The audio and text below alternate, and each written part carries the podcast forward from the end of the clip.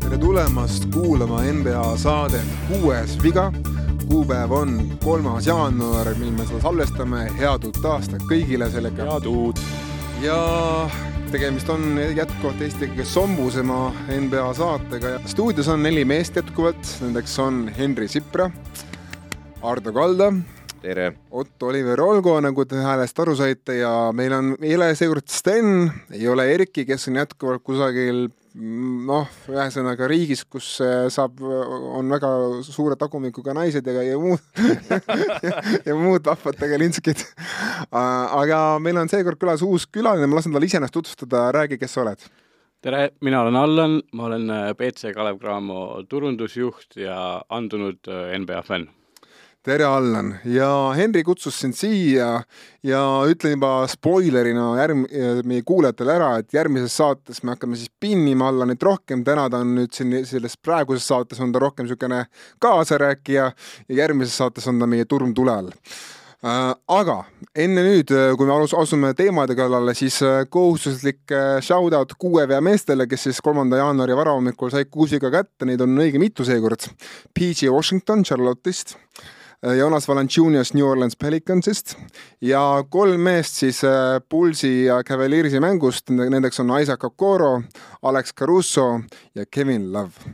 nii et äh, viis meest said selle au osaliseks ja sel kuupäeval siis varasemalt minevikus on juhtunud muideks see, et Steph Curry tulistas kuuskümmend kaks punkti mõned aastad tagasi sel kolmandal ja kolmandal jaanuaril ka, aga see on juba tegelikult juba nüüdseks täiesti mõttetu skoor, sest kui ikkagi sul toob äh, Cleveland Cavaliersi tagamängija Donovan Mitchell seitsekümmend üks punkti tõustes läbi aegade seitsmendaks mängiks, kes on üldse visanud seitsekümmend või rohkem ja olles alles noh, see on alles üheteistkümnes kord NBA ajaloos, kus on saadud seitsekümmend või rohkem punkti kätte, siis äh, see kuuskümmend kaks tundub justkui midagi. muideks mitte ainult seitsekümmend üks punkti, aga kaheksa lauda ja üksteist söötu ja räägitakse juba, et äh, Wilti, Wilt Chamberlaini saja punkti ja kahe söödu järel on see, on see Mitchell'i mäng kõige enim, enim punkte toonud mäng, sest üksteist, üheteist söödust tuli, tuli ka mingi noh, kolmkümmend punkti enam-vähem. nii et äh, kas te nägite seda mängu või kas te olete näinud selle mängu highlight'e ja kui te olete vaadanud, siis mis teile silma jäi? kas me räägime ainult sellest või me toome Luka ka siia kuidagi no,? räägime alguses Mitchellist, siis räägime Lukast. no see oli ikka hullumeelne mäng, ta tuli kahekümne ühega äkki taga vist mingi hetk, et noh, see, kuidas äh, Mitchell seal tassis ja tassis ja milliseid olukordi talle tekitati, et noh, üks on kindel, kui Vutševitš oli väljakul, siis teda ainult äh, rünnati ja rünnati ja rünnati, et noh, mulle jäi see meelde, et kolmkümmend neli viskekatset, kakskümmend kaks realiseeris ja kakskümmend vaba viset viskas. ja kahekümne viiest. mina, mulle jäi see meelde, et ma vaatasin seda mängu siis ka natuke kiir, nii-öelda, nii-öelda kiirkorras järele ja siis vaatasin, et esimese veerandi viskas Mitchell viis punkti teisel veerandil üksteist punkti, kuusteist punkti poolaega, noh, niisugune tavaline kolm, noh, liigub kolmekümnes, liigub kolmekümne kursil ja siis teine poolega lisaaeg, no see oli, see oli sihuke show, et ma ei, nagu ei mäletagi nagu päris nagu ongi Curry, Curry-sugused show'd tulevad meelde, see oli lihtsalt nagu meeletu ühe mehe nagu tassimistöö. Äh, ja ma ütlen ka Mitchell'i asjaks seda, et äh, Mitchell on vist olnud sel hooajal kuidagi alahinnata, me räägime siin MVP, ma vaatan oh., ma lihtsalt kuul-, mitte meie saates, aga ma vaatan USA-s, räägitakse MVP-dest, räägitakse kõigist nendest äärtemängijatest Mitchell ja tema Dean Cavaliers kuidagi jäävad varju ja see on imelik, aga ma arvan, et nüüd see mäng muidugi kustutas selle vea ära, sest Mitchellist sai ka Cavaliersi loomulikult aegade rekordi omanik. Ja mul on niisugune tunne, et see ei istu hästi Lebron Jamesile, kes, kes on praegu Lakersis, saab iga mäng kolmkümmend pluss kätte. No tegelikult olgem ausad, see Mitchell oli kolmese tagant kaheksast kaks ainult vist äh, kolm minutit enne mängu lõppu. Noh, nagu õige aja, neljanda veerandaja lõppu siis. Ja, ja alles siis hakkas tal see kukkuma, et, et väga olulisel hetkel võttis kolmese ja väga segase kolmese ja virutas selle ära. tõsi, me peame muidugi natukene, mina raputan muidugi soola sinna ka, esiteks äh, ei oleks pidanud Cavaliers olema sellises olukorras üldse sellise meeskonna vastu nagu Chicago Bulls. Ja teiseks noh, Bullsi tagaliini kaitse on see, noh, mis tagaliini kaitse ja noh, siis, siis oligi nagu, et noh, kui see oligi see meeskond, kes pidi nii ära saama, eks ole, et äh, kas Pulsi vennad väsisid või? Pulsi vennad, nad ei ole ku- kunagi mit- nagu väga erksad olnudki sel hooajal, kui sa tähele ei ole pannud. Caruso ikka pingutab, pingutab ja, ja noh, Caruso kuus viga näitab seda, eks ole, et ta pingutas seal. aga noh, on selge, et seal see Lonso ja nii edasi, eks ole, pluss kui sa nägid, siis äh, põhiline pall, pallivaldaja oli Mitchell kogu aeg. ehk siis äh, see vend, kellel oleks pidanud äh, Pulsi mängujuht nagu kaitses valu andma. ja, ja noh, on selge, et seal ei ole seda, seda venda praegu, kes suudaks survestada nagu Mitchelli-sugust äh, püssikuuli. ja, ja noh, no tähendab, seal ei ole üldse kedagi tagaliinis, see on üldse nagu täitsa mõttetu jutt. ma muidugi tahaks öelda, et mis tunne teil tekitab see, et kõigist modernse aja mängijatest, kes praegu on mänginud või kes on lähiajal siin karjääri lõpetanud, on Mitchell ja Kobe kaks ainsat, kellel on siis, kes, kes on top kümnes nii play-off punktide nagu mängu, noh, punkti arvestuses kui ka siis põhihooaja punkti arvestuse mängudes, et äh, Mitchell ja Kobe, see on nagu päris, päris huvitav list. no on ikka ja ei, see oli statement igas mõttes, no äh, see tuli nagu puraks, keegi ei oleks oodanud isegi, et äh, sel hooajal, et ta ei peaks ju seal Clevelandis nii palju järsku viskama, sest et tiim on nii hea ümberringi no Garland on olemas, eks ole, kõrval justkui ja Mobley ja Allan. Pi- pigem äh, vaata see Luka asi, see tuli nagu, et noh, ikka tuleb mingi purakas mingi hetk vaata, No no räägime siis sellest Lukase asjast ka, et äh, kuuskümmend punkti, kakskümmend üks lauda, kümme söötu, no see oli, kui ma ärkasin üles ja nägin neid numbreid, ma otse näinud seda mängu, siis mõtlesin, et kas Will Chamberlain on nüüd tagasi NBA platsil või mis, mis, mis siin toimub lihtsalt. no Knicks on see hooaeg parem meeskond kui Bulls ütleks, et see oli kõvem ja see lauanäitaja ka muidugi sinna juurde, aga Lukal noh, seda ümberringi ma ütleks, see supporting cast on nõrgem ka kui äh, Clevelandis praegu no.. Garland ei mänginud selles Mitchell'i mängus, ütleme, ütleme, ütleme just. selle siiski ära, et ma arvan, et see ka üks põhjus, miks Mitchell sai seitsekümmend üks kätte. ja miks ta oli põhiline pallivaldaja. ja samal põhjusel ju vahepeal Janis pani ka nelikümmend, kakskümmend mänge, kaks tükki järjest. Siis, kui ei jaa. olnud Middletoni, ei olnud Holiday'd ja siis tulevadki niisugused hullud mängud. no siin ongi räägitud nüüd Mitchell'i ja Luka tõttu sellest NBA skoorimisplahvatusest, no mitte ainult nende kahe tõttu, vaid ka teist- teiste mängijate tõttu, et äh, ja siin ma vaatasin ka juba foorumites on mõned inimesed arvavad, et et me, et me hakkame nägema üha rohkem seitsekümne punkti mänge, no mina seda nüüd jahutaks maha, et ma arvan, et see seitsekümmend pluss, seda me näeme niisugune heal juhul kord viie aasta jooksul või võib-olla kord kümne aasta jooksul. kuuskümmend pluss, no niisugune võib-olla natuke rohkem pigem, mis tõusevad, on just need kolmkümmend kuni viiskümmend viis võib-olla mingi umbes sinna vahemikku jäävad, aga ma, kuuskümmend, seitsekümmend pluss on ikka jube raske. Ja kaks kuud siis nüüd oli november-detsember esimest korda ajaloos viiskümmend tuhat punkti kuud NBA-l siis, et noh, et neid- see skoorimine ja see tempo on nii palju suurenenud, et äh, aga Allar, sina, kes sa vaatad meil sagedasti Balti liiga mänge, Eesti mänge, et kuidas, kuidas sa nagu vaatad seda, mis NBA-s toimub ja siis vaatad neid skoore ja siis mõtled, et oh, kui vaid mu oma tiimi mehed eh, te teeksid nii või kas sul üldse niisugust mõt- mõtet käib peast läbi või? no pigem niisugused mõtted ei käi, et sa ikkagi, sa mõistad, et need on kaks täiesti eri mängu, noh, et noh, siin on äh, vägev, kui keegi ületab kolmekümne piiri, eks, kui võistkond ületab saja punkti piiri, et et see ajalimiit ja need reeglite muuda-, reeglite erinevused, need ikkagi natuke nagu pärsivad ja, seda ja plats ka ju väiksem, eks ju. no ma tõmban selle Luka pealt natukene nüüd hoogu maha, selles mõttes, et esiteks äh, jah, Luka justkui mängis ennast MVP jutuajamisse uuesti sisse, tõstes Tallase nüüd, ma ei tea, palju nad järjest on võitnud siin, neljas on praegu ja Et- seitse järjest võitnud. jah, et äh, ta on tõstnud neljandaks ja, ja ja nüüd noh, Nixi vastu selline pauk, eks ole, siis esiteks New York Knicks mängis ilma oma parima mängijata tol hetkel, ehk siis Jalen Branson ei mänginud seda mängu kaasa. Nad mängisid kodus Tallases ja andke andeks, see mäng läks lisaajale nagu uh,. no nagu, nagu läks ka Mitchell'i mäng. ja, ja aga me räägime sellest, kui ta, ta läks lisaajale New York Knicksi vastu. mis te teete nalja või?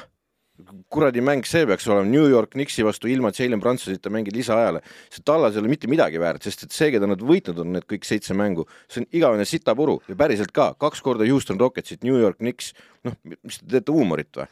Selles mõttes, et äh, mis MVP nagu, New York Knicksi vastu viskad kuuskümmend punkti, jube kõva lugu küll noh. mine pane Bostoni vastu, ma tahaks näha ja seda me saame näha see reede juba, sellepärast et siis on neil nagu tõehetk. äkki juhtub nii nagu Popovitšil juhtus, et me hoiame ta alla viiekümne. ja, ja jälle ja jälle, palun väga, Spursiga mäng, vahe üks punkt viimase vabaviske peal meeskonnaga, kes on kõige-kõige-kõige halvema kaitsega meeskond praegu NBA-s nagu. tegelikult see ei ole hea tulemus ju, selles mõttes, et noh, kui sa vaatad seda, see ei ole normaalne, nad peaks kolmekümnega loputama neid selleks, et nagu mõtleks selle peale, et oh sa kurat, kus nad võivad play-off'is teha Mina- no ikka ei või küll noh võit on võit, peaasi, need võidud tulevad ja ma ütleksin, et äh, Luka vääris vä- vägagi seda nädala mängija tiitlit, kus ta viskas vist see eelmise nädala keskmiselt nelikümmend kaheksa punkti. kolm, ütle kolmteist lauda või? jah, sel nädalal keskmiselt nelikümmend kaheksa punkti, kolmteist lauda ja kümme sööta, no see oli täiesti kes idas oli, ah, ah? no idas oli vana Luka meeskonnakaaslane, lätlane Kristas Porzingis, kelle, kelle Wizards on ka jälle võidusoonel pärast. ainukene, ainukene positiivne asi, mis ma sellest Tallase sellest run'ist olen välja võtnud, on Nii. see, et Wood on tõstetud algviisikusse lõpuks ja mul on tunne, et seal on mingisugune keemia siis tekkinud nagu, et see on olnud olude sunni, sest Kleber on väljas. jah, aga ei no muidu Powell alustab ju no Powell on siuke no,, ei, ei Powell alustab, see on Tallas Mavericks, oota. ja millegipärast ei ma ei alustanud. alustanud selle hooaja alguses, ma lihtsalt tuletan meelde. ja, ja aga siis alustas McKee üldse. aga, aga nüüd on kuidagi sinna läinud ja, ja mingisugune asi seal toimub, on hästi, Luka murrab sisse, söödab palli välja tagasi Woodile, kes jääb siis pick and roll'ist hoopis kolmese taha ootama seda, eks ole, ja, ja ilusti minnakse kahe kaitsega nagu sisse ja plauh tuleb sealt. Et äh, see kuidagi toimima hakanud, et näha on, et see keemia toimib ja nad, vastased lähevad selle Luka sissemurdmise õnge seal ja, ja kõik on no seal on ka, ma ütleks, noh, Tallase asjus mõtleme ka seda, et aeg-ajalt on ka nüüd Bullock ja Hardaway Junior üles ärganud ja hakanud viskama, et on olnud juba üksikuid mänge või isegi, isegi kaks mängu järjest, kus need mõlemad mehed on nagu visanud tä- tä- täitsa okeilt sisse võrreldes eelmise kahe kuuga. Dinvidi pani muidugi täna öösel mingi kaheksa esimest või seitse esimest mööda, mis ta peale ladus või? Kaheteistkümnest neli vist jäi, jah ja Rocketsiga ja jälle, jälle Rocketsiga lõpu peale, no come on noh, selles mõttes, et nalja teete või, Rocketsiga. Rockets on viimasel ajal mänginud paremini, I will give them that. ja, ja aga me räägime meeskonnast, kes peaks võitlema tiitli eest noh. Ma ei tea, kas seda on nüüd keegi maininud hooajal, isegi Kuule, meie, meie mina mainisin esiteks ja kogu ülejäänud nagu Mansa ka mainis. ei, mina ei maininud. selles mõttes, et olgem nüüd ausad, me kõik olime lootuses selle peale, et Kristjan Wood tuleb, lapib nende augud ära, pluss McKee lapib ära nende suure lauapalli häda ja, ja tagaliini kaitse on neil endiselt tugev, sest neid mehi ära ei läinud, selline prantsusel ei ole mingisugune kaitse. ja, ja milles nagu häda on, eks ole, aga, aga ma näen nagu pa palju hädasid, kui run tehakse nagu Vembanyama jahtijate pealt, noh. vaatame, mis lä- lähinädalad toovad. mitte lähinädalad, reedel, reedel saab kohe proovida Bostoni vastu, pane siis kuuskümmend, ma tahaks näha, noh. ja siis tuleb ikka. aga no kui, tuleb või? kui sa juba, kui sa juba mainisid siin Bostonis, me, ma lähme sujuvalt siin järgmise teema peale, et äh, nimelt siis Bostoni Milwaukee on pärast meie viimast saate salvestust jõulude eel siis äh, kõvasti tulnud maa peale tagasi, et äh, Bost-, ma ütlen Milwaukee puhul eriti, nad alustasid ju üheksa-null hooaega ja pärast seda on olnud tegelikult suhteliselt nagu fifty-fifty tiim, et võidavad, võidavad iga teise mängu ainult. ja Boston samuti ikka tulnud kõvasti maa peale tagasi, nendel on põhimõtteliselt, mis on ära kukkunud, on, on kolme punkti vise, see on läinud neil täiesti, täiesti noh, prügikalade sekka, aga, aga kõik muu tegelikult, see söötmine, kõik muu kestab, kestab ja see on olemas, lihtsalt need kolmest enam, enam ei kuku. Robert Williams on tagasi, kaitse läinud paremaks ja kaitse on tõusnud liiga paremate sekka, aga kogu selle pika ringiga. Milwaukee Boston on tagasi lihtsurralike seas, nüüd on justkui terve see suur NBA väli on nagu justkui võrdsete võitlus, kas see on hea fännidele või tegelikult me tahame näha, kuidas ühtegi, ühte, ühte suurt koljatit, koljatit võetakse maha.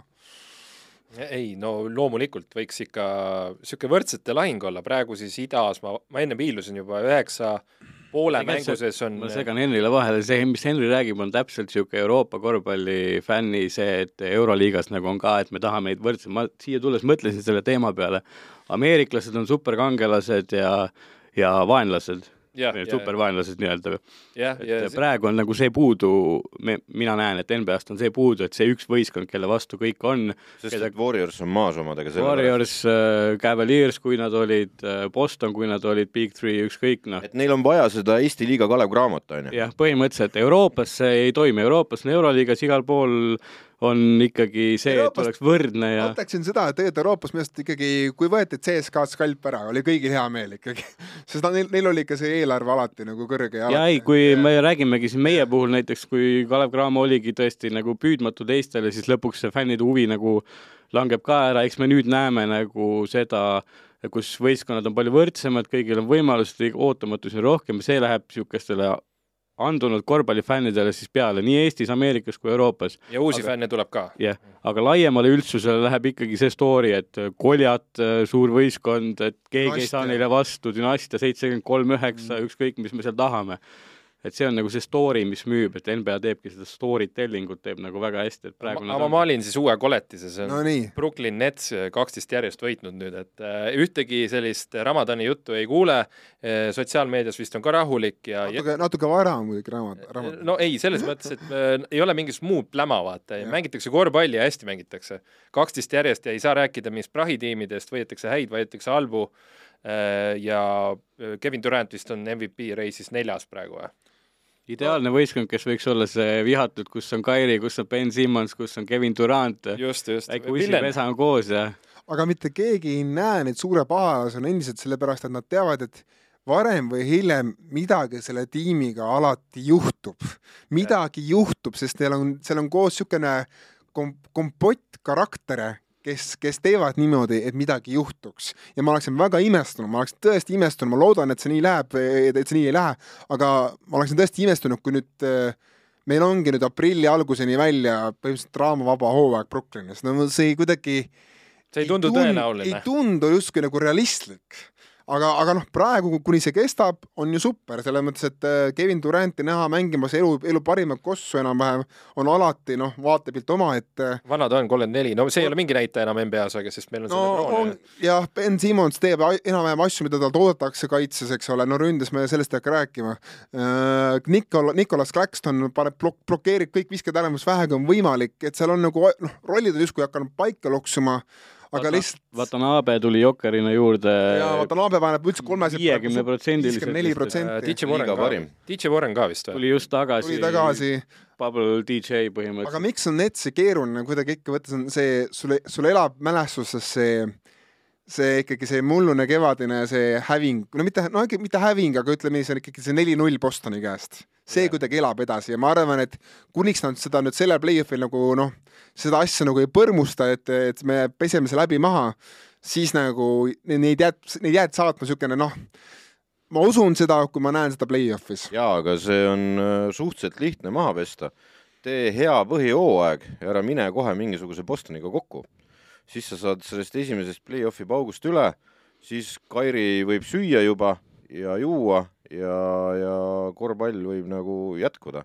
et tõsi, neil sel hooajal on seal tagaliinis nagu paremini sellega, isegi kui Kairit ei ole, eks ole, või ta on halvas vormis oma söömata olemise pärast, siis joomata, siis äh, on noh, võimalik kohendada ja lappida tema pealt nagu asju, et et, et seal on noh, nagu ta ütles, DJ Warren, eks ole, Curry, Harris on tagasi, eks ole no,. no Riceon ilmekib väga hästi. ja, ja, ja, ja see Watanabe liiga parim kolmese rekord praegu, eks ole, ja nii edasi, et, et, et see kõik nagu toimib, pluss neil on tagaliini kaitse nüüd Simmonsi näol ja, ja Claxton on väga hea keskel ikkagi. et kõik nagu sujub, et aga, aga selleks, et sujuks ka esimesest play-off'i ringist, et saaks sellest krambist üle ja saaks minema seal, oleks vaja hooaja jooksul teha hea nagu tulemus, võtta sealt siis Wizards ja, ja minna. mul on muidugi niisugune teooria, et ma arvan, et Brooklyn, ta võib isegi jätkata väga hea põhjooaja tiimina, ta võib, nad võivad saada isegi ida teise või isegi esimese asetuse lõpuks, jumal teab.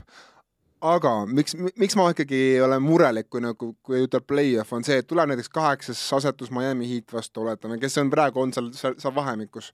või noh, okei okay,. Hawks Hawks võib-olla jah, kuigi Hawksil on seal omad hästi suured mured.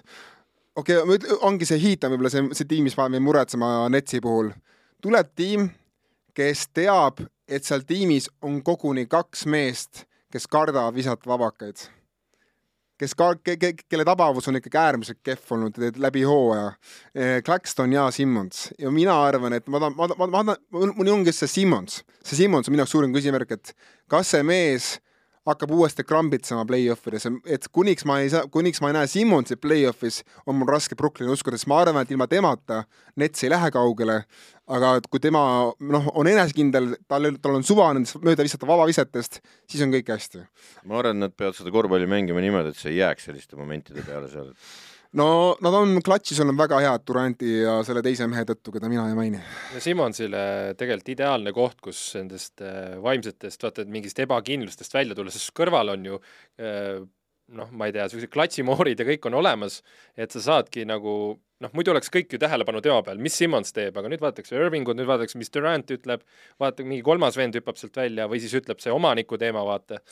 et äh, Simmonsil selles mõttes on hea koht, kus nüüd toimetada no võtame ühe mehe võib-olla läänest, ühe tiimi läänest vastu, kuidas, kuna läänes on ka kõik väga-väga ühtlane, siis äh, mis te arvate nüüd sellest teemast, et äh, siin ikkagi Nikolai Jokic ütles, et tema ei taha kolmandat MVP-d jutti, et ta ei ole, et lah, et jäta, lõpetage see jutt ära, ma ei taha enam siis midagi kuulda. ja kui sa vaatad ikka seda meediapilti, siis kõik on ikkagi kurat kurat, Jokic nagu, et nagu sa vaatad nagu argumente ikkagi Jokic, ikkagi Jokic tuleb välja, et nagu ta on no, Denver ikkagi... on esimene ja, ja kogu aeg on kolmikduubel ja metsikuid numbreid. ja, ja Murray ja Porter Jr ei ole väga head, stabiilsed olnud tegelikult sellel hooajal, nad on ikkagi jälle tassib, jah, jah, jah. Et kust ta neid assiste üldse saab, kes neid ära viskab talle viskada no,? Caldwell Pope viskab ära, Gordon viskab ära no,, Bruce Brown, Bones Highland viskab ära vahepeal, et äh, aga kas te arvate, et Jokicil on olemas šanss, et olla esimene mees pärast Larry Birdi, kes saab kolmekordse MVP? Ameerika meedia otsib seda ameeriklast. nüüd, nüüd, nüüd lõpuks, et see Euroopa värk ära lõpeks, noh. aga kas, kas ameeriklane on olemas, kuid, sest äh, ma just ütlen, et hästi nõmedalt on see MVP ikkagi osaliselt ka narratiivi teema. Tatum nüüd, kui Boston ära kukkunud, ega keegi väga, väga ei, ei räägi Tatumist. ei, praegu on ta jälle rahul. Morant, noh, kuidagi ta jääb inimestele natuke hambusse selle kaitse tõttu ja kui sa vaatad seda, no Zion Williamson on omaette teema, vaatame, kas ta jääb terveks üldse hooaja lõpuni.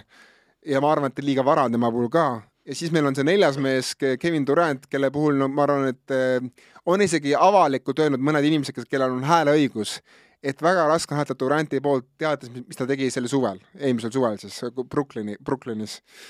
ja siis hakkad mõtlema, aga siis polegi kedagi muud peale Luka Jokic ja jälle Embiidi, noh, ja Jannis aga, aga okei okay,, küsimus uuesti, kas te näete, et Jokic võib selle saada? olla esimene, esimene mees pärast Larry Birdi? no see öeldi välja, et äh, nii enam-vähem, et ja tänu sellele, et ta ütleb, et ta ei taha, siis tänu sellele ta võibki saada, sest ta ütleb, et ta ei soovi seda tähelepanu.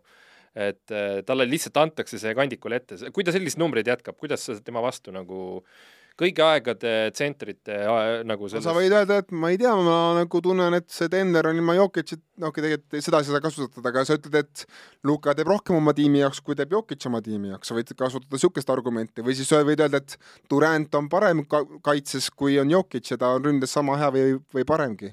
no eks siin saab nagu see rekord lõpuks, ma arvan, nagu oluliseks et ongi, et kui Luka suudab, kui see Jokic natuke alla läheb, äh, Denver ei jää esimeseks, jääb kolmandaks, Luka tõuseb teiseks või olgu see Giannis äh, Paksiga teevad midagi imelist, et pigem ma näen, et väärtustatakse praegu seda võitmist rohkem, noh. ja oota, mis ajal umbes, aprillis on see, kus hakatakse otsustama või yeah.? et no sinna on nii pikk maa ka yeah. veel minna, et praegu on nüüd mingid purakad ära pandud ja see on muutunud ka, vaata, me vist paar ma ei tea, paar nädalat või paar kuud või ma ei mäleta täpselt, millal me ütlesime seda, et Luka on, nagu push itakse sinna ja siis äh, nagu mees sai pahaseks nagu meie jutu peale, hakkas tulema seal mingi nelikümmend viis, viiskümmend ja me olime ju ka väga kriitilised ja kõik olid selle tallase peale ja hakkasid mõtlema, et kus on see teine staar, kus on see te teine staar, aga siis nüüd Luka ütles, ma võtan teise staari enda seest. ma olen kaks staari ja, ja teeb üksi seal kuradi siukseid tempe, et vähe pole. et jah. kas, kas see pigem ei tundu, et see Jokic on praegu äh, suutnud kõikide oma numbritega radari alt lennata või? natukene, aga see on lihtsalt sellepärast, et teistel on nii ulmelised numbrid. Eh, hea näide täna ööst ka, et kui see seitsekümmend üks tuli Mitchell'i, Clay Thompsoni viiskümmend neli, sellest eh, mis ikka, eks ju, aga mees on üheks, mitte tuhat päeva ei mänginud, kaks vigastust ja teeb vaata see üks, see oli vist kahe lisaaja mäng oli vist eh, Clay Thompson yeah,. Yeah. et seal nagu aega oli ka, aga need minutid ja see tassimine ja kümme kolmest ja no jõhker, no ja ta nelikümmend on ju ka see hooaeg ju pannud no.. aga Jokiciga, noh, mind teeb rohkem murelikuks see, et ta nagu, et tal tõenäoliselt on mõttes, et sitta need MVP-d, et nagu ma tahaks seda, seda vaat teist asja saada. Ja siis ta vaatab enda ümber ja need kuradi tüübid ei ole terved, noh.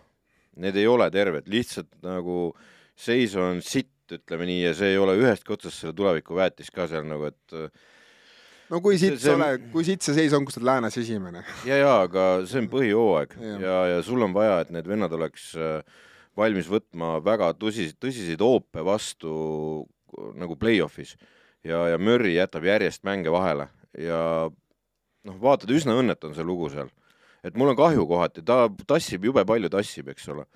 ja ta on super, midagi ei ole öelda, eks, aga, aga kurat, kahju on lõpuks nagu, eks ju. no ütleme nii, Jokic ei ole ainus, kes siin peab tassima vigastatud, vigastatud ka kaaslasi, et nimelt on ka Janis tassinud päris pikka aega paks ilma Middletonita ja siin on ka teisi mehi. võtamegi need tiimid, tiimid korraks ette, kokku ma panin viis tiimi ja kelle, kelle üks suurimaid staar või põhiline staar on viga saanud või üks noh, top kaks staar, ütleme siis niimoodi, hakkame siit otsast pihta, et äh, Warriors kaotas oma liidri Steph Curry nüüd äh, vähemalt neljaks nädalaks, räägitakse. ja neil on Wiggins juba pikalt ära olnud. Neil on Wiggins juba olnud ka pikka aega out ja Curry nüüd kaks nädalat väljas olnud ja kõik arvasid, et Warriors, noh, kui sa vaatad neid pluss-miinus numbreid Curry, Curry'ga ja Curry'ta, siis on need väga-väga kohutavad, kui Curry't ei ole platsil aga mis on juhtunud nüüd, kui Curry on olnud eemal, on see, et Warriors on, on olnud tubli niisugune noh, jällegi fifty-fifty tiim, et võidavad iga teise mängu, eks ole. ja no mis on juhtunud, on see, et Jordan Poole on saanud enesekindluse kätte ja nüüd, kui Curry pole, siis tema saab olla see ise, ise Curry. ja, ja Clay on ka paremaks. no Clay peab olema parem, ta, tal ei ole muud varianti, kui Wigginsit ka pole. kas Warriorsi mäng ilma Curryta on olnud üllatav või mitte? Mm, natuke, ma ütleks kohe ära, et natuke ikka, äh, see fifty-fifty isegi tundub enam-vähem parim, mis saab teha nagu selles olukorras. no vaadates seda kodus võõrsil rekordit, siis fifty-fifty äh, on suht loogiline, et äh, ja et võõrsil on väga kehvad nad yeah.. aga kodus on nad on liiga parimad. liiga parimad, võõrsil yeah. vist isegi liiga kehvimad. või kehvimate seas vähemalt. kolm kuusteist, ma arvan, et see on väga, ja ongi, no läänes on see kõige halvem nagu, et ma hakkan nüüd idast vaatama, siis noh, seal on viis, viisteist, viis, seitseteist, viis, kolmteist äh,, ei olegi kehvemat, noh, ei ole. et vahet ei ole, kas Curry mängib, vaid oluline on see, et kus mängitakse. kodus on seitseteist, kaks no,. nii et noh. see on ebareaalsed äh, numbrid, et midagi kuskil seal Golden State'is on teistmoodi või, või aga tegelikult see on ju väga hea märk Warriors ja ma hakkan mõtlema selle peale, et okei okay,, noh, see on kohutav võõrsil tõesti, aga mis te arvate, et play-off'is võõrsil Warriors ei võta, ei võta ühte ära või? Nagu, nagu nad võtavad alati võõrsil ühe ära, kui, kui neil on vähegi mehed terved. ja kui nad kodus on nagu niivõrd head olnud läbi hooaja ja, ja ma usun, et on ka play-off'is, siis, siis ma arvan, et see pigem on hea märk Warriorsile.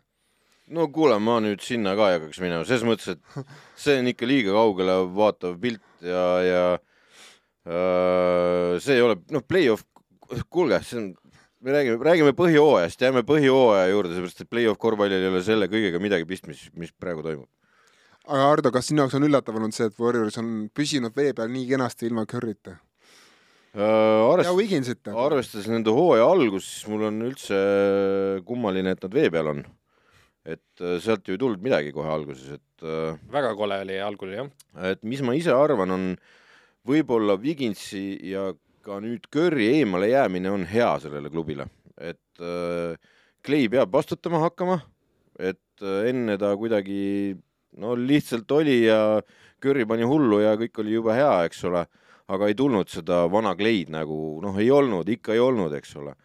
nüüd ta, tal ei jää muud üle, noh, tal lihtsalt ei jää muud üle ja, ja Pool ja Green peavad mängima ko koos, eks ole. ja Looney tegi ka hea mängu ju, mingi kakskümmend lauda või mis ta seal võttis. et äh, lihtsalt peab, eks ole, siis ongi nagu sundolukorrad, kus hakkavad nagu mingid asjad nagu toimima. no võtame teise, Milwaukee Bucks, kus Middleton korraks tuli tagasi, mängis jube kehvasti, ikkagi nagu see tabavus oli täiesti nagu košmaar. ja nüüd pandi tagasi nii-öelda noh, riiulile, ta ei ole nüüd seitse mängu jutti mänginud ja nagu ma saate alguses ütlesin, siis Paks on pärast seda super algust olnud ikkagi noh, niisugune samamoodi kesk, keskmik klubi tegelikult täiesti. Holiday ka väljas ju. no Holiday on siin noh, haigusega väljas, et ta ei olnud nagu vigane. jaa, aga ta põlvest kuskilt ei liikunud ka nagu, niisugune kummaline oli jalgast. võib-olla niisugune talvine värk, vana mees juba ka, aga, aga kas see Middleton asi paneb teid muretsema nüüd Paksi kevade pärast praegu või te arvate, et liiga vara muretseda, et äkki saab ikkagi veebruaris korda ja küll on Paksi kõik hästi? Ma arvan, et on äh, liiga vara, et äh, täpselt sama, mis oli seal Warriorsiga, et äh, pigem ongi hea, kui Javon Carter saab praegu tunda seda pinget ja siis on sul play-off'iks võib-olla üks nagu kindel mees olemas, et äh... sa arvad, Jannisele paneb see liiga suure koormuse, kui sa vaatad praegu Jannise usage rate, see on ikka täiesti metsik ju.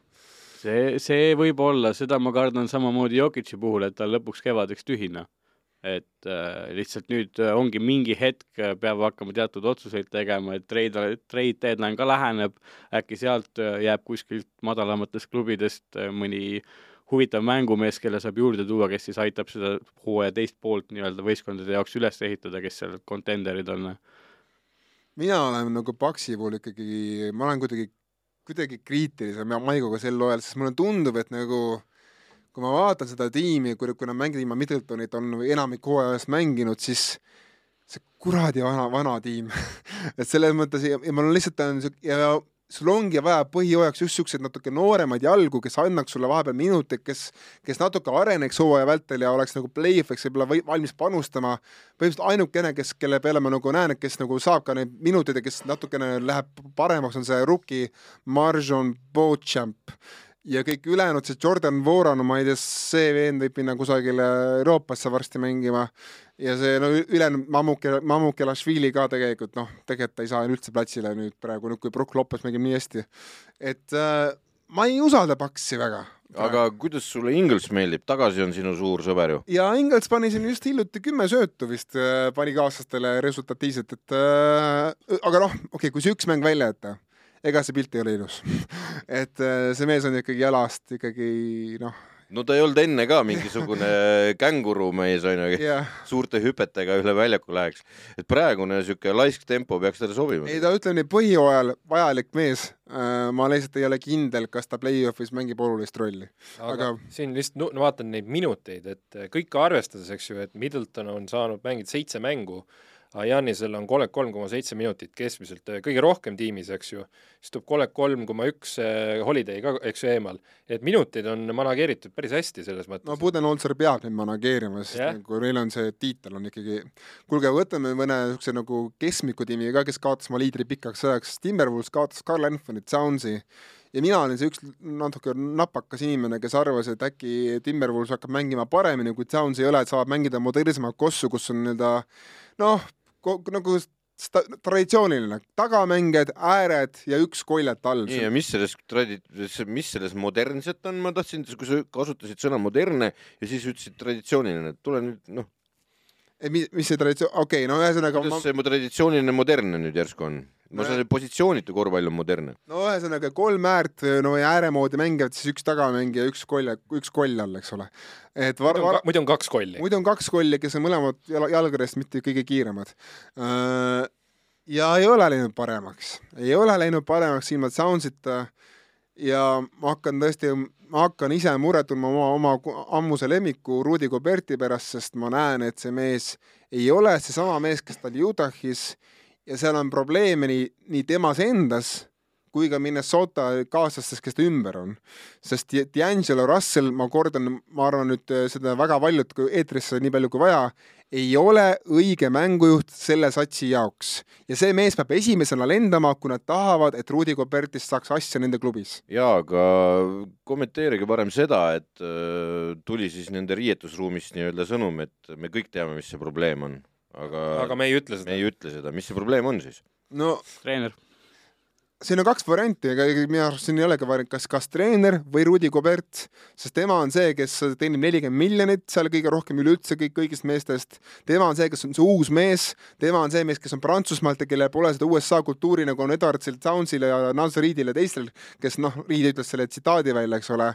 et noh arust ei ole rohkem varianti ja mina ütlen seda, et kui nad tahavad nagu seda oma investeeringut nagu toetada, siis nad saadavad ära osad mehed, kes ei ole rahul Rudi Gobertiga, näiteks kas on, need on Naz Reed ja D'Angelo Russell ja kõik, kõik, kõik muud, kes on kriitilised Goberti suhtes, või nad saadavad Goberti ära, sest nagu no sul on kaks, kaks varianti minu arust. jaa, aga Goberti vastu, tähendab, sa ei saa teda vahetada, see hind on liiga räige. just yeah., ja sellepärast ma ütlengi, et tegelikult on probleem see järelikult ülejäänud tiimis tegelikult, mitte Gobertis, noh, Gobertis on ka mure, aga nagu kui sa oled teinud selle otsuse, et Gobert on see tiimi alustala, sa ei saa Goberti ära saata jaa, aga see, ma arvan, et see, see Timberwolves on praegu suurepärane näide sellest, et sa võid äh, nagu kõik maailma parimad mängijad kokku panna ja siis juhtub nagu Dream Teamiga nende esimeses kohtumises ülikooli nagadega, kui nad lihtsalt haledalt tappa said, sellepärast et nad ei suuda koostööd teha.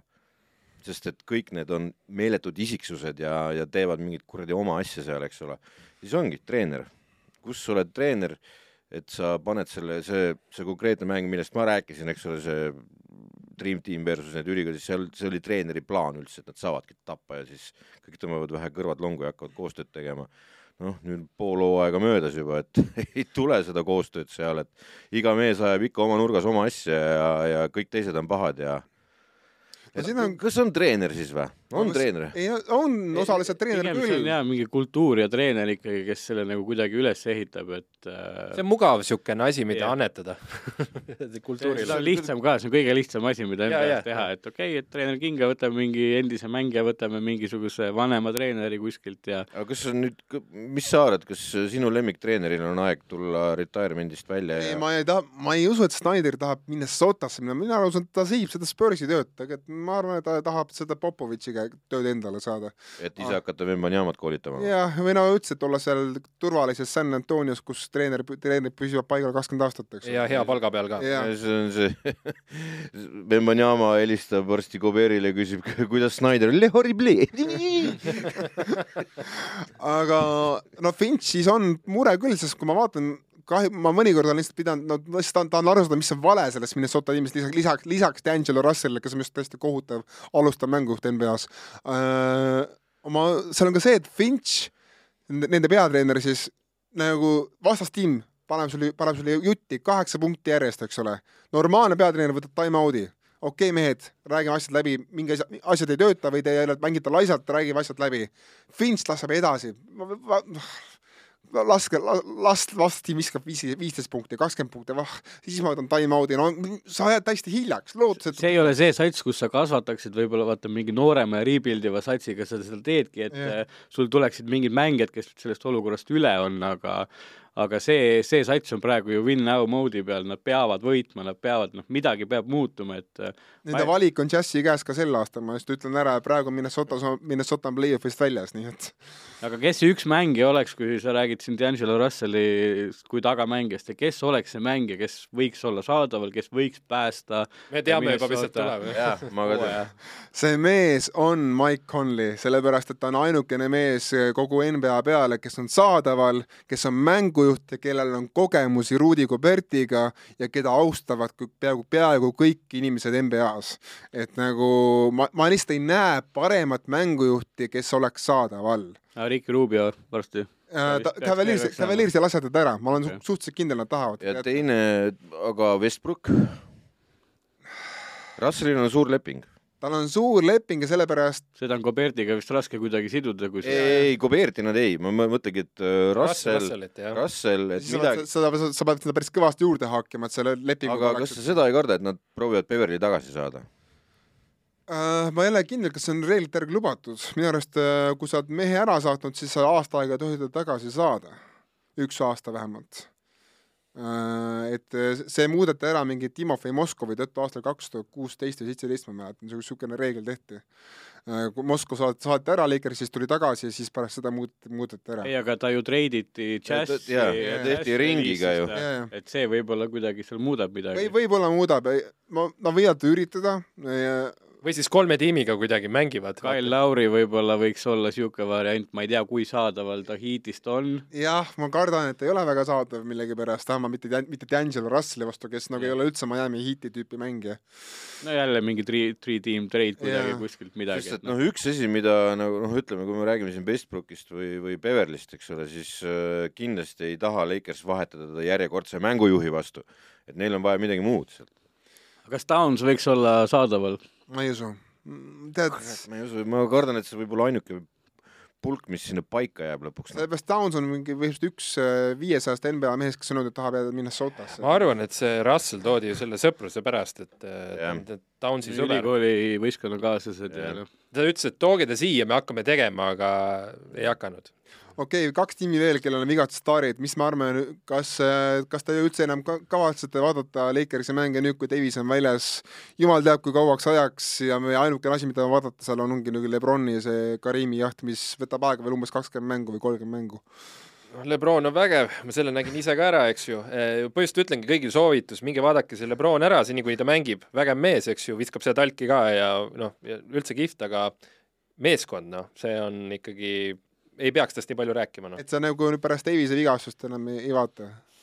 noh, seal polnud tegelikult Davisega koos ka väga midagi, vaata, Davisel oli ju ka hea run, eks ju, aga kas ei ole olnud mitu hooaega nii, et Davis teeb mingi hullu run'i ja läheb katki? nagu kogu aeg on nii, et tal tuleb mingi superminek, siis kõik jälle lähevad juhuu, vaata see show, showtime läheb käima ja see kohe see fänniarmee hüppab sinna järgi, sest fännid hoiavad teda relevantsena, sest ta on nii suure linna see põhiklubi nii-öelda, eks ju. et isegi Clippersist võiks rohkem rääkida, ma käisin Clippersit ka vaatamas ja Lakersit vaatamas, Clippersit on palju toredam vaadata. Clippersist räägitakse kohe, kui nad võidavad esimese tiitli.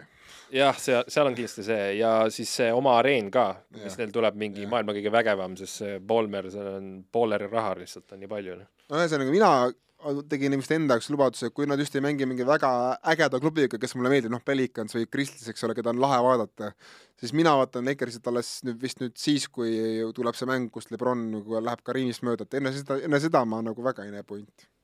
ja sest Allstar on ta lokk, eks ju. jah, Lebron saab allstar mängule, ta on, tal on see juba noh, vipp, vipp pilet ammu olemas. ja, ja see tuleb, ma ei tea, kolmekümnes või mitmes see on ma ei tea, kõik, kõik need aastad on ainukene, ma ütlen seda, et see Lonnie Walker on tõesti seal hakanud mängima vist, see Spursist. jaa, tema, tema on viisakas seal ja üldiselt lähme edasi. Ja lähme edasi, aga, aga Sansil, Sansil on nüüd ka Devin Booker väljas vähemalt kuuks ajaks. ja nüüd mul on nagu niisugune teravam küsimus, et kas see nüüd viimane kirstunael selles Sansi su- sulguvas ja sulguvas ja sulguvas kohvris. jaa, aga neil on viimasel ajal nagu üldse kehvasti läinud minu arust. Nad, kusjuures nad täna varahommikul, no meie aja järgi meie aja järgi siis kaotasid Knicksile, pärast seda tehti kriisikoosolek, kus, kus ei, ei puksatud neid treenereid minema, võeti treenerid ka kampa ja räägiti nendega ka. ja siis Eitan ütles siis pärast seda, et nüüd teavad kõik mehed, mis rolli nad peavad täitma ja kui järgmises mängus keegi ei täida seda, siis ta on rotatsioonist väljas. noh, Eitani karmid sõnad, vaatame, mida see tähendab lõpuks Nad said Payne'i ka terveks nüüd, see No. oli ka katki vahepeal. ühesõnaga, tegelikult on ju mure on neil suur, sest Pukker oli neil konkurentsitult kõige olulisem ja parem mängija tegelikult seal ja. Pauli oli vaja, noh, et kui Paul on katki ja Pukker on katki, siis on üldse väga kehvasti, eks ju. ma ütleksin, et Pukker on olulisem mees kui Paul tänasel päeval, aga ikkagi, kas see on viimane kristunael, nüüd kui, nüüd kui Pukker on kuuks ajaks või isegi, või isegi pikemalt väljas? Nad on oleneb graafikust. kaheksand-, kaheksandal kohal on, noh, vaatame, kellega nad mängivad siis selle kuu aja sees uh,. Schedule. nii, Third, Pacific, nii, mis siit hakkab tulema siis uh,, tuleb Cleveland, siis tuleb Miami, siis tuleb Cleveland uuesti, siis tuleb Golden State, siis tuleb Denver, Golden State on kodus või võõrsil, siis teeb kas võit või kaotuse. siis oleme poole jaanuari peal, Minnesota, Memphis, Brooklyn, Indiana, Memphis kõik on väga ras-, kõik on väga rasked vastased, ühesõnaga neil tuleb kaotuste jada sealt. uh,. jah, või siis on jälle olukord, kus nüüd peavad igasugused äh, Johnsonid, värgid nagu astuma sammu. Johnsonil läheb veel paar nädalat veel aega, enne kui see platsi peale. kas te ei näe, et äh, väga suur ostja võiks olla Suns äh,, kui trade deadline tuleb, kui ma vaatan, neil on kõik draft'i valikud olemas, neil on, neil on äh, Pukkeriga teatud tiitliaken siis olemas, noh, praegu võiks olla nende jaoks ideaalne aeg, kus nad üritavad saada kellegi juurde, töötada oma asjad ümber, kui Pukkerit ei ole, siis lisaks on neil Crowder endiselt veel. jah, kes tahab ära saada. Eiton on lokk, eks ju, teda ei liigutata või? ma ei usu. kui, kuigi vahepeal ju oli selge, et Eitonil on see, et Eitonil on õigus vetoda igat diili, Mhm, nii et äh, kuni selle hooaja lõpuni. Aga mingi hetk ju teda väga ju ise oli Pacersis mingi hetk juba suvel, siis kui ta Monty Williamsiga tülli läks. see, jah, aga jah, see on õige point, et tegelikult Sansil on võimalus jääda vee peale. aga, aga ise, iseasi on see, et kas sa tahad jääda vee peale ainult. ei no aga ma mõtlengi seda, et nagu me enne arutlesime, et on äh,, tiitel on täiesti lahtine. meil on mingisugune kaheksa võistkonda, kes võiks selle saada, Suns terve Pukkeriga on sealhulgas ka, et kui nad saaks teha nüüd ühe hea treidi, siis äh, ma arvan, et see kaaluks üle see, et sa saad see aasta, järgmine aasta, ülejärgmine aasta võib-olla siin contendidena. see, ma ei näe, et nad äh, jääks nüüd nii kehvaks, et okei okay,, et me nüüd tängime ja loodame seal saada Benjamat või Ei, seda- ei, seda ma ei usu, aga neil on tõesti selles mõttes, et neil on pikk äär on neil, hea pikk äär on puudu äh,. nagu kõigil ja, ja, aga, aga seda head pikka äärt nagu praegu liigas võib täitsa näiteks džässis saadaval olla ühe soomlase näol. no Nixiga Ei, võib-olla midagi. Julius Randall, pikkide vastu, pikkide vastu. Heinz tõmbab sellele, ei. kusjuures ta Äh, võib, tema ma- ei taha selle džässiga praegu kuskile jõuda. ma olen kuulnud, et Lauri Markkanen on mees, keda ära ei anta, kõik ülejäänud on saadaval, aga Markkanen on mees, kes, kes Utah'ile väga meeldib. noh, Julius Randall võib olla teatud hinna eest saadaval. ma ei usu hästi Toronto, mis me siin korra arutasime, võib olla midagi no, ma arvan, et kõige realistlikum on Kyle Kuusma, ütlen ausalt. jah yeah, variant. Äh, see on jamps, see on nagu, neil on parem mees kui Kyle Kuusma seal selle koha peal praegu et kui mina oleksin äh, Sunsi GM, siis ma nagu tõsiselt mõtleks sellele, et mida teha, et olla võimalikult lähedal tiitlile, kui nüüd Pukker tagasi tuleb, et mis on need väiksed käigud, mis me teha saame. Jaa, aga tegelikult on tal päris suur käik võimalik teha, arvestades, et tal on Crowder võimalik anda ja tal on võimalik anda pikid ja tal on mingid noored mängijad on ju, võib-olla ongi Cam Johnsoni annad ära või Mikal Bridges. ma ei, ma ei annaks. no oleneb, kelle sa seal, Pascal Siakam on laual, et anna nüüd kolm pikki ja, ja Cam Johnson ja okay. keegi veel on ju, et noh. siis ma annaks Cam Johnsoni, kui Siakam oleks laual aga nad, noh, see Siakam ei ole laual, olgem ausad. aga see oleneb, ma arvan ka, et kui Raptors jätkab nii nagu masendavat viskamist, mis nad praegu on teinud, no see on vist äh,, kuskilt ma lugesin, et see on nagu täiesti kohutav, kõik vabad kohad, kõik asjad, nad ei suuda kaare tagant sisse saada, et et kui nüüd äh, trade deadline läheneb, nad näevad, pole midagi, et neil on oma pikk olemas, teeme mingid head vahetused ja teine, teine asi on muidugi see, et sa pead võtma võib-olla kedagi kolme peale hoopis, sellepärast et sul on vaja ohtlikku meest kolme peale, kes aitaks äh, selle pukkeri pealt kuuma maha võtta kaitses, noh. Äh, Puls ja DeRozan kutsub äkki? ma ei usu, et DeRozan, pigem nad lähevad Laviini kallale siis. võimalik. Laviin saab ju nelikümmend miljonit ja nad, nad peavad kuidagi neid, neid rahasid lapitama ka, see ei ole niimoodi, et ma võtan lihtsalt, võtan mehe ja ongi kõik, et nad peavad panema siis kõik kõik mängu enam-vähem, et Saaric, kogu, kogu see pink, kes teenib vähegi rohkem kui viis miljonit, kõik, kõik peab kusjuures ma võtaks ilma silma pilgutamata sinna laviinina. ma võtaks ka lihtsalt nagu samas tegelikult ma ei tea, kurat, et... Laviin ja Pukker on väga sarnased tüpaažiga mehed. jaa, aga see ongi sinu edu alus on ju Pukker ja kui sul on veel üks Pukker, siis on ju kaks Pukkerit ja parem kui üks Pukker Öeldi ka, et Westbrook ja Lebron on ju põhimõtteliselt sama, sama mängija, ainult et Westbrook viskab kolmesid ja ongi, me näeme, mis on see, mis sellest sai. aga Laviin on Laviin, selles mõttes, et see oleks hea, parem kui DeRozan, kes viib selle mängu väga sisse, kus tahavad teised mehed toimetada, et okei okay, äh,, lähme Sipra-Pipar. Henri, mis sul tänaseks on? no ma siin mõtlesin, et midagi ei ole väga pipardada, aga siis tuli meelde see reeglite siis survestamine, et nüüd, nüüd hakkame seda kandmist ja neid jookse hakkame vilistama kõvasti. oo, see on hea teema, nii räägi. et äh, no hakkab küll silma, et äh, mõnedele meestele nagu see vile rakendub rohkem kui teistele, vaata, et see on võetud nagu ette, et äh, teeme seda ja see vist keskmiselt ongi kasvanud ja nüüd, nüüd saabki öelda, et oo, et NBA-s nüüd enam jookse nii palju ei ole ja kõike sinna, aga kiputakse mingeid mehi rohkem nagu sihtima, et siis seal Pool jääb ette võib-olla, Morant, äh, noh, Morant on ka üks nendest nagu see kahtlastest, aga, aga siis mõned teised mehed nagu võib-olla saavad ikka edasi oma nalju teha. Allan, sina, kes sa oled harjunud nägema Euroopa vilet äh, väga tihti, kuidas äh, sa tunned, kas NBA teeb õiget asja, et on hakanud karmimalt kontrollima jookse? Pigem ma näen, et ei tee, noh, seesama pool, mis sa räägid, on ju, et see on nagu tõesti väga halvasti tehtud, kui sa ühe mängu jooksul neli korda ta ära võtad ja siis järgmine mäng Morantile samas olukorras neid ei tee. et äh, seda oleks saanud niimoodi, et okei okay,, see mäng me ühe võtame ära, kaks, noh, sest need tempod, kiirused, mis seal on, no see ongi võib-olla keerulisem kui ütleme siin Euroopas on ju see väljaku suurus, nagu me enne mainisime, et noh, kõik see annab nagu mingid eelised, et see on ikkagi show, see on korvpall, see peab olema fun, keegi ei taha näha, et siin jooks või noh, selle tõttu jääb midagi ilusat, jääb nüüd ära või midagi, et noh, ta ei muuda ka reaalselt nii palju need kaks-kolm kandmist võib-olla, mis ta mängu jooksul teeb, et see ei muuda seda mängukäiku või mängu tulemust nii palju.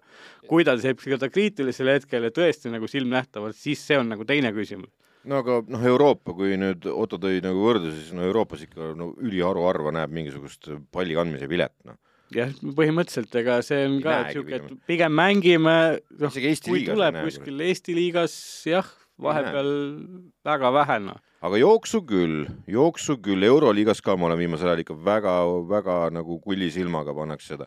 tõsi, seda jooksu NBA hakkas, hakkas jälgima rohkem ju kolm aastat tagasi, siis tõsiselt äh, vaadati selle, selle esimese sammu asja peale üle nagu selle tugijala, jala muutus enne palli põrkesse. jah, gather step ja mis ja. seal on kõik need, see tuli Euroopasse ka juurde, eks on ju, mis see paar-kolm aastat tagasi vist et äh, see kõik teebki mängu lihtsalt, noh, see teeb ilusamaks, ei ole vaja siin peatada mängu olukorras, kus mitte midagi ei muutu.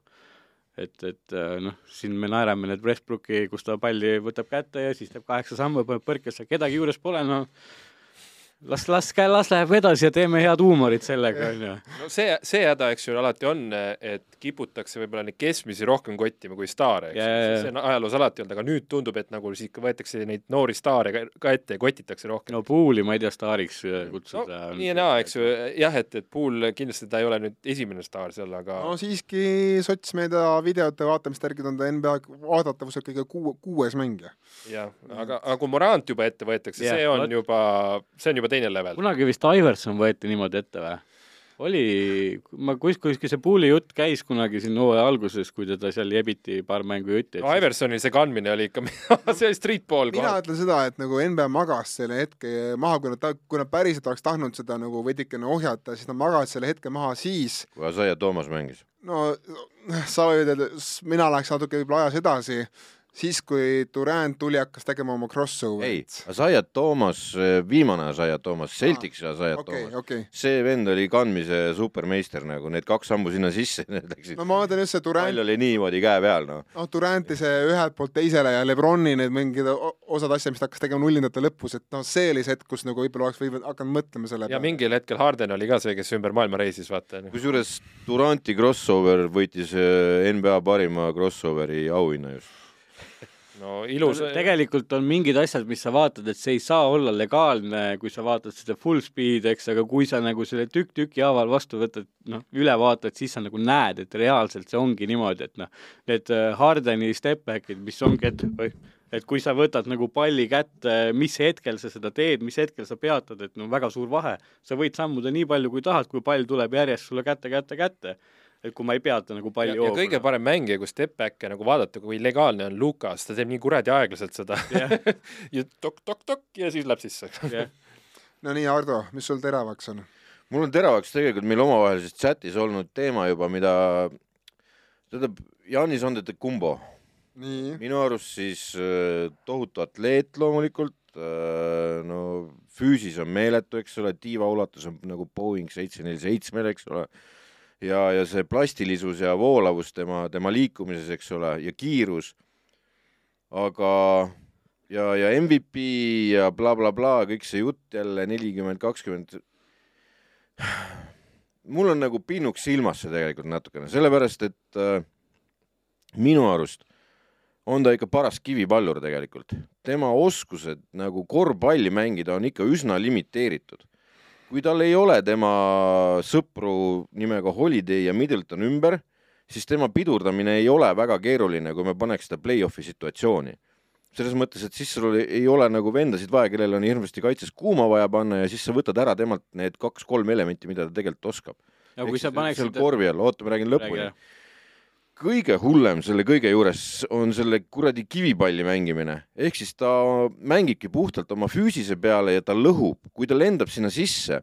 eelmine aasta või oli üle-eelmine aasta see, kui NBA kohtunikud hakkasid mingi hetk neid ründevigu ära võtma nagu, neil sai kõrini sellest, et see vend paneb nagu, nagu bowlingus lendab kurikatesse, see kõik lendavad laiali ja, ja tema surub palli sisse mis mind nüüd veel rohkem häirima on hakanud see, et ta kaitses raiub kurat samamoodi noh, see, see Tatumi näide oli kõige räigem nagu noh, Tatum näitab kohtunikule, no kas sa nagu, kas, kus sinu silmad on nagu, ma panen venna postrile, ta raius risti üle käte nagu ja julmalt nagu selles mõttes, seal, seal ei olnud nagu juttu sellest, et ta läks palli püüdma. ta pani ikka täis julma ja kujutad sa ette, kui Janis on teda kumba, kelle pähkel on sama suur kui minu pea ja mul on väga suur pea. ja kui ta raiub sellega risti üle käte sulle, eks ole, ja kohtuniku lihtsalt vaatab, aga ilus poster oli vähemalt. ilus poster oli, aga ma kujutan ette, et Tatumil oli päris valus see poster, sellepärast et see noh, vend ja ta raiubki niimoodi, et ma ei tea, kas ta on väsinud, ma ei tea, mis seal toimub, aga see on häiriv minu jaoks juba, et sellele vennale andestatakse nii palju asju. Ja kui me rääkisime siin igast palli kandmisest ja jooksmisest, siis noh, jooksude maailmameister on, on Janis Antetokounmpo, kellel noh, kolm sammu on ikka niisugune pall käes on ikka niisugune minimaalne sinna korvi alla lennata sisse noh et see, see kõik minu jaoks on nagu, sa näed välja nagu kuradi kivipallur. mängi korvpalli, vaatame, kui kõva mees sa siis oled nagu. vot enne ma kirusin Luka Dontšis, Luka Dontšis mängib korvpalli, ta pole kivipallur. Selles mõttes, et ta mängib ilus on vaadata, vend valdab korvpallikunsti, teine mees mängib puhtalt oma füüsise pealt. ma austaks poole rohkem sind, kui sa, sa teeks nagu korvpalli elemente korrektselt nagu. et äh, kurb on vaadata nagu selles mõttes, et äh, mul on kahju tema vastastest, kui ta raiub nii, nagu ta raiub ja, ja vile kogu aeg vaikib, sellepärast et tegu on kahekordse MVP ja ma ei tea millega, eks ole, maailma superstaariga, no nagu mind häirib see, mind lihtsalt häirib see nagu jõusaali asemel võiks nagu pallitrenni rohkem teha või mina paneks selle sõnadesse, et Jannis peab nendele asjadele rõhuma, mis tal on, eks ju. Lukal ja. on omad asjad ja ta, Lukal ei ole neid asju, mida on Jannisel ja Jannisel pole neid asju, mida on Lukal, mõned kattuvad, eks ju, aga vähesed asjad. aga et äh, seda äh,, ta on nüüd tiitli võitnud, et äh, see on kõik nagu sinna kõrvale jättes, et Jannisel see viga kindlasti on, aga seda ta on ka parandanud kõvasti, on see, et kui asi ei tule välja, siis ta hakkab suruma, siis ta läheb veel ul-, nagu all in'i läheb selle jõukorvpalli peale. et tal on see buss on ees, vaata mingi Toronto või Miami paneb neli venda ette ja siis ta ei anna palli ära ja siis ta läheb ikka sellest sammudesse ja kõiki asju, eks ju. no ta ei anna palli ära mõnikord, sest selle peale, kui ta, ta ei anna palli ära siis, kui ta on kaotanud usalduse, et Grayson Allan suudab ühe, lõpuks ometi mingi kolmese sisse panna, siis ta ei anna palli ära. kui Allan ja kui need Carterid ja kui need Connachtonid paneksid oma kolmest sisse, küll Jannis annab, küll Jannis otsib selle söödu ülesse, aga kui ta ikkagi noh, ongi, sul on, sa vaatad tabloole, sina, sina ise oled pannud ühe kolmese võib-olla üldse mängu, mängu jooksul ja sa vaatad, sul tiim on pannud kuueteistkümnest kaks sisse. Sorry, aga sa hakkadki mängima jõukorvpalli, sest see on su parim variant, et, et seda mängu veel kuidagi päästa. kas sa tõesti arvad, et ta on nii tark korvpallur või? jaa, arvan küll, sellepärast yeah., jaa, sellepärast, et kui sa vaatad, kuidas Jannis tuli liigasse, kuidas ta on iga aasta läinud mingis asjas paremaks, siis ma usun, et ta on tark korvpallur. ta võiks korvpalluriks parema, korvpallis paremaks. aga teda takistatakse, nagu sa ütlesid, teda takita-, takistatakse nii paljude mängijatega lihtsalt, sest ülejäänud võistkonnakaaslased ei ole võimelised. tema ongi kogu vastaste kaitseplaan nagu selles mõttes, tema, tema aga, aga, aga mängi nende vastu korvpalli, kõik te, noh. see pole tema stiil. mis see korvpall on, mis ta peab tegema siis? Mis see on? õpi viskamine ära, mängi nad. kõik pole viskajad, kõik pole mängi, aga mängi nad siis üle nagu jalgade tööga, mitte ära proovi neist. kõik pole nagu Olajuwonid ka. otse rindu lennata nagu. sa ei lenda otse rindu, lihtsalt kõik mängijad on sul ees ja siis keegi jääb ette, noh, sest sul on nii palju neid kehasid seal ees. ma ütlen, kui ta üks-üks panna mängima, siis ei ole kedagi, kedagi vastas maailmas. jaa, aga noh, praegu ei ole üks-üks, aga mängi siis, Lukaga vastu ei mängita ka kunagi üks-üks jaa, aga Luka vastu mängitakse üks-kaks, sihuke noh, talle ei ehitata müüri ette, eks. no jaa, aga no, see pole nagu päris õige lahendus sellele, selles mõttes, et teised ju kannatavad selle pärast. ja see, kui sul ei võeta neid ründevigu ka ära, kui tehakse nagu väga korralik müür, seistakse, seistakse kaarest väljas ja see joostakse pikali nagu, nagu kurikas ja vile lihtsalt vaikib ja antakse hoopis kaitseviga sealt, onju, siis paneb ikka käsi laiutama küll, eks. ja teisel pool Raibe raiub niimoodi sulle kätesse, no nagu mõõgaga, noh. kas sa Shaqi nautisid või? Shaq või yeah.? Shaq mängiks üks-ühele, teda ei duubeldatud nii hirmsasti seal korvi all aga no, Zion Williamsoni. ajast olid. Zion Williamson on, kusjuures ta mängib teistmoodi natuke. jaa, aga just öeldi, et äh, kes see ütles, Minnesotaga no, vist mängisid, siis oli, öeldi ka, et proovime ikkagi mängida nagu, meie mängime korvpalli, et Zion mängib seal Ameerika jalgpalli. Eh, Russell muide ütles seda. ja D'Angelo Russell midagi ütles, et see mees mängib Ameerika jalgpalli sinna. kusjuures ma, olles nüüd nagu sel hooajal neid Pelicansi mänge vaadanud, siis ma imestasin, et ta ei mängi nii väga seda rämedat Äh, korvpalli, noh, ta alguses vaata tuli liigast, ta hakkas ragistama. ta ei nagu saagi üli... mängida, sest ta on kuradi kuus-viis, noh. ja, ja teine asi on see, et ta läheb kuidagi nagu proovib mööda minnes mängida lay-up'ide ja selliste asjade peale, tõsi ta,. tal ei ole korvi all ees mingit kolme mängijat. jah, jah, ja teine asi on muidugi see, et uh, ühe korra muidugi, kui ta mängis ja mängis jõuga, oli Simmonsi vastu. et Simmons, olles temast pikem veel nagu proovis teda korjale takistada, see pandi pikali ära sinna kohe aga see oli ka üks-ühele mäng, eks ole, et äh, aga seda Simmonsi poole tagasi minnes äh, üks muljetavaldamaid katmisi on Simmonsil olnud Janise äh, peale, et kui seal mingi seeria tuleb, et nüüd see Simmons on neil juures, siis sealt tuleb mingi dünaamika juurde, et lihtsalt no vaatame, vaatame, mis Simmonsist saab seal vabaviskajatega play-off'is, ma lihtsalt tahan näha.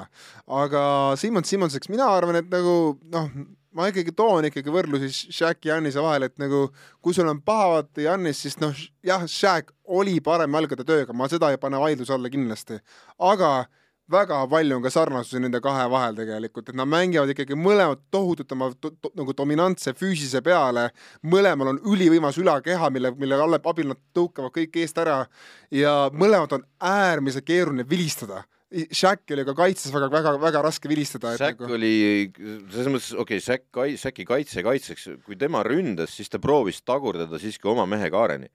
et ta ei, ta ei jätnud seda seal juhuse hooleks, et talle ründaja viga pannakse, noh no.. pluss siis olid natukene teised reeglid ka, olgem ausad, kahe tuhandete algused üheksakümnendate lõpp, et see, see no, seal... Nende seerias seal see muudatus tuligi, vaata see Detroiti seeria, et Detroit võitis ära ja siis tehti muudatus. mina lihtsalt Jannis asjaks seda, et ma saan aru, miks, miks ta võib inimesi närvi ajada, ma saan nagu, miks tema mängustiil võib ja, ja... närvi ajada, sest ta ise isiksus on, ma arvan, väga sümpaatne.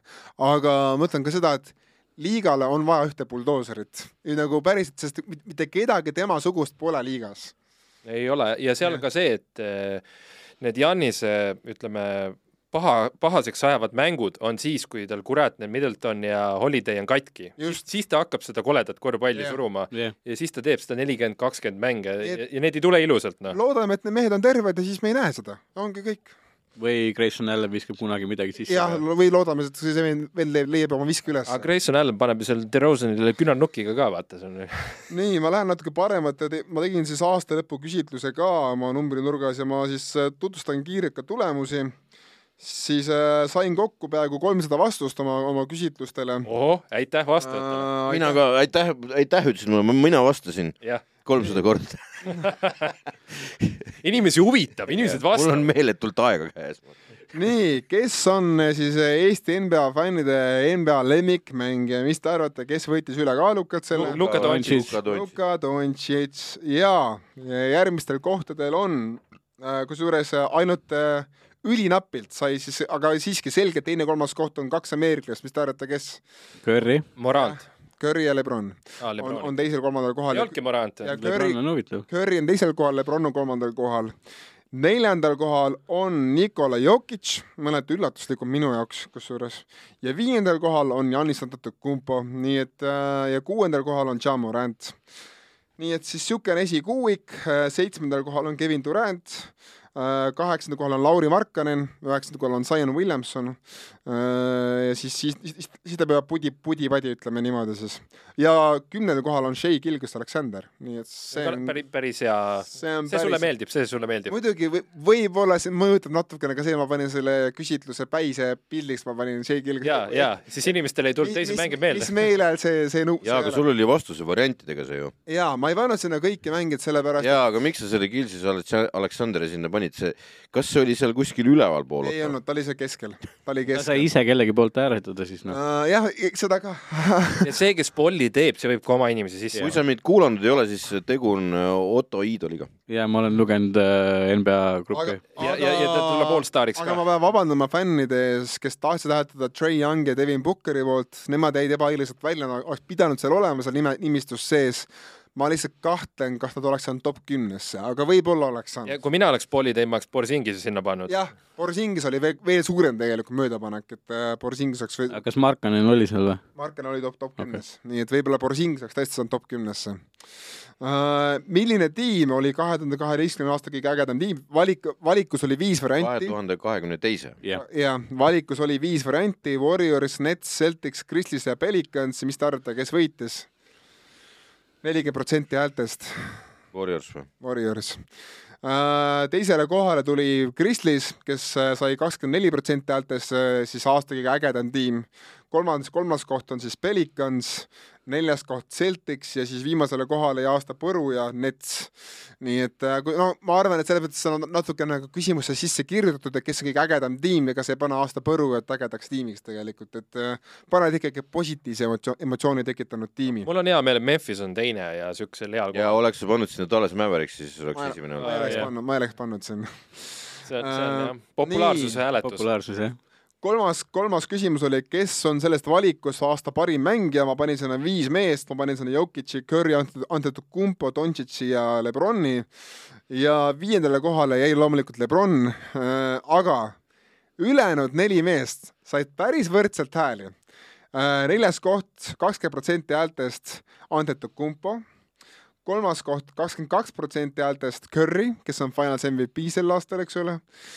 kakskümmend viis protsenti häältest sai Luka, kes sai teisele kohale ja Jokic võitis kolmekümne, kolmekümne protsendiga. no Jokic on normaalne valik, sest ta oli MVP ju. ja ma Jokicile, tähendab, ta on nii sellise tagasihoidliku vibe'iga, vaata, kuidas ta räägib, see läheb eestlastele väga peale. et mitte, et Luka midagi valesti teeks, aga vaata, Jokic, ma ise no, ta on oma selju, kui sulle NBA karikas tuuakse kuhugi talli või see MVP karikas tuuakse kuhugi talli ja siis no see läheb peale ju. see, see on maa, maapoiss, noh. jaa, aga samas ta on serblane. aga teisalt on huvitav praegu see, ei ole väga populaarne olla. jah, jah. ma pean nüüd, ma pean ikkagi ütlema, et kuna need vahed on kõik kümne protsendi sees, siis tegelikult see ütleb seda, et praegusel ajastul NBA-l pole niisugust ühte, ühtele, ühte nagu no ütleme, kümnendate alguse Lebroni et pole niisugust meest praegu. kes oli aasta parim noormängija, pani jälle, pani jälle viis meest valikusse, Scotti Barnes, Lamelo Ball, Paolo Pangero, Anthony Edwards ja Evan Mobley. viiendale kohale jäi Evan Mobley üheksa protsendiga, neljandale kohale Scotti Barnes, kes oli aasta Rookie of the Year, üksteist koma kuus protsenti. siis läheb asi põnevamaks. kolmas, teine koht äärmiselt tasavägine, napilt jäi kolmandale kohale Paolo Pangero teisele kohale tuli, kusjuures see on natuke üllatav, sest Panchero just tuli liigasse. jah. aga algus oli päris võimas. algus on olnud võimas, jah. teisele kohale jäi Lamelo Ball ja nelikümmend protsenti häältest sai Anthony Edwards, keda siis arvatakse, et ta on enda parim noor mängija, mis on isegi noh. see on eelmise aasta pealt siis? see on, see on selle, jah, see on eelmise aasta pealt, ega tegelikult, kui sa vaatad seda valikut, siis isegi eelmise aasta eelmise hooaja puhul jah. Selles mõttes ta oli parem kui Lame-, Lamelo. kuigi Lamelo see allstar mängule Anthony ei saanud uh,. Niisiis, NBA parimaks peatreeneriks arvatakse ikkagi Greg Popovitši, kolmkümmend kaheksa protsenti. see on nii kaua, kui on liigas. aga väga lähedal, kolmkümmend kolm protsenti häältest, Steve Kerr mm.. nii et nähakse ikkagi Curry ka järjest rohkem selle uue, uue Popovitšina võib, võib-olla no,. võtab ju uus Popovitš on Erik Spolstra Spolstra on ju NBA-s põhimõtteliselt paremus. ma olen nõus, ma olen nõus, aga Spolstra jäi kolmandale kohale seitseteist protsenti hääli, nii et äh, võib-olla ma arvan, et kuna Miami pole pikka aega midagi võitnud tiitli mõttes, siis, siis sellepärast, kuigi nad on väga lähedal sellele yeah. mitu korda. noh, nüüd see laev on läinud ka. ja Mike Budenholzer ja Tyron Lue said siis vastavalt üheksa ja, ja neli protsenti hääli, kusjuures Tyron Lue minu arust väärib rohkem kui neli protsenti. Äh, viimase aasta parim, parim vahetustehing.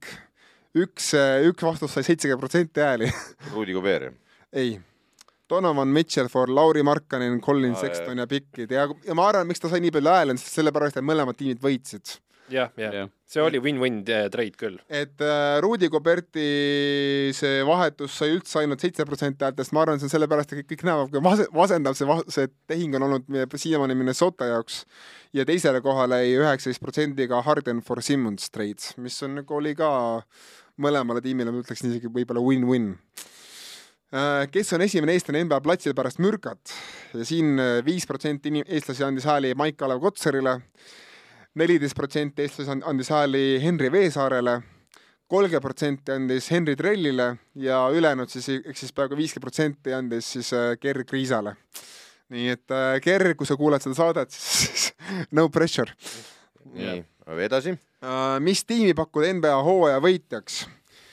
siin viis tiimi natuke eristuvad, okei okay,, kuus tiimi, Clippers on kuuendal kohal, kuus protsenti hääli, seitse protsenti on siis Brooklyn Nets, kaheksa protsenti Denver Nuggets, üksteist protsenti Golden State Warriors endiselt on seal esikolmikus. Äh, ja nüüd kaks suurt, kaks suursoosikut, siis kakskümmend, kakskümmend kaks protsenti eestlasi näeb, et Milwaukee Bucks võtab oma teise tiitli kolme aasta sees ja kolmkümmend seitse protsenti eestlasi arvab, et Boston Celtics võtab oma seitsmeteistkümnenda tiitli NBA ajaloos, nii et päris suur vahe, et Boston ja Milwaukee on, ma arvan, et jätkuvalt ikkagi nähakse soosikutena. ja küsitluse hetkel nad olid eh, kaks tükki ees ära ka. siis seal vaatasid tabelit ka osa, et jaa, ei või tuleb ära, eks ju. aga no ülejäänud saavad siin ka kenasti, nii et ja kas kuulate podcast'i Kuues viga, kuuskümmend protsenti ütlevad, et ei, nelikümmend protsenti, et jah. et siin on meil kõvasti tööd teha. noh, selge, ega tulebki, tulebki toimetajat vahetama. jah, aga numbrid on, numbrid on ära räägitud, ma võt-, saatke avaldusi, kes tahavad tulla siia saate toimetajaks, võtame kõik vastu äh, saatke kirju kuuesviga.gmail.com, saatke selle küsitluse kohta kommentaare. tulge toetajaks tulge toetajaks äh,. siin võiks olla teie logo. siin võiks olla teie logo, jah. jah, vaadake. näed, turundusinimene. podcastrent.ee, kui tahate siia stuudiosse tulla ja mis seal ikka. enne kui lõpetame, mul on väiksed äh, kingitused teile ka ah,. et oh. kunagi oli niisugune podcast nagu The Starters, The Basketball Jones vist oli alguses, et ma tõin teile niisugused asjad, nagu on NBA korvpallikaardid. saate siin otse-eetris vajadusel lavada, valige omale mingid pakid ja ma teeks ühe mis üle jääb, ühe paneme midagi. küsimus, parim küsimus või midagi või? teeme niisuguse küsimuse, et Eesti Balti liigast on ka kunagi tehtud korvpallikaarte Veseli Matitši ajal, kui ta siis Kalev Cramo peatreener oli, et mis hooajast on Eestis olnud Balti liiga korvpallikaardid, mis oli see hooaeg? teeme sellise küsimuse. Jah, ja Allan valib võitja välja, sest tema teab äh, peast juba seda vastust ja ma, kurat, kas sa tead? aga siin on teile ka midagi, tehke lahti, et äh, ma, ma, ma, ma jätaks enda oma kinni, sellepärast et ma tean, et üks kaardihull on meil kuskil lennukis ei, aga äh, siin on viis tükki, et me ah, võime okay. siin ühe jätta, et äh, siis äh, vaadake, äkki saate kohe oma lemmikmängijad ära ja. kes tahab Moranti? võimalus saada rikkaks ka, et kui keegi Eestis otsib neid korvpallikaarte, NBA omasid, siis kindlasti Kalev Cramo mängudel saab ja saab ka kaardid kakskümmend neli punkt ee, mis on niisugune et Eestis on tegelikult huvitaval kombel see NBA korvpallikaartide nagu community on päris suur võrreldes muu Euroopaga. Meil on siin natukene teemast välja, niikaua kui te krõbistate, et äh, Eestis on ühel inimesel Luka Dontšitši rukikaard, mis on siis autogrammiga ja mida on ainult üks maailmas, mille väärtus siin äh, turu tipphetkedel oli kuskil seal viissada tuhat pluss, et äh, eestlase käes või? eestlasel. tal on väga palju veel mingeid Luka Dontšitši erinevaid kaarte, et meil on siin, Eestis on tegelikult neid väga väärtuslikke asju jagub, et kellel on huvi, siis on niisugune grupp nagu Hitijaht. ohoh, kuule, see tundub hea asi, see on Durant. Durant. aga ma sain ka selle vastu Marvin Bagley, nii et hiti jah. mul on Tobias Harris ja Paul väga hästi Milson. seda asja kajastab ka yeah. ja väga, väga aktiivne äri on jah, head tööd teevad ja neile ka shout out selle eest yeah.. et äh, aga kordan oma küsimust ühe korra veel siin saate lõpus. mis aastal tehti Eestis äh, siis Balti liiga korvpallikaarte, kus olid äh, Veseli Matic, Heiko Niidase kaart oli, ma kunagi käisin ise küsimas autogrammi selle peale ja siis Heiko küsis, et minult nii, aga vastake siis sellele nii kuuesiga.gmail.com kui ka sulle, mis sinu meil on? pane, pange siis sisse. ärme, ärme pane mulle okay. meeldimas täis. kuues vigas, meil on vaja neid meile juurde yeah.. vaata seda. mis sa oh, said yeah.? no näed, Karim. no näed, aga selle kaardi siin karmistamise lõpuks ütlemegi tšau, pakaa ja näeme juba nädala pärast. tšau, tšau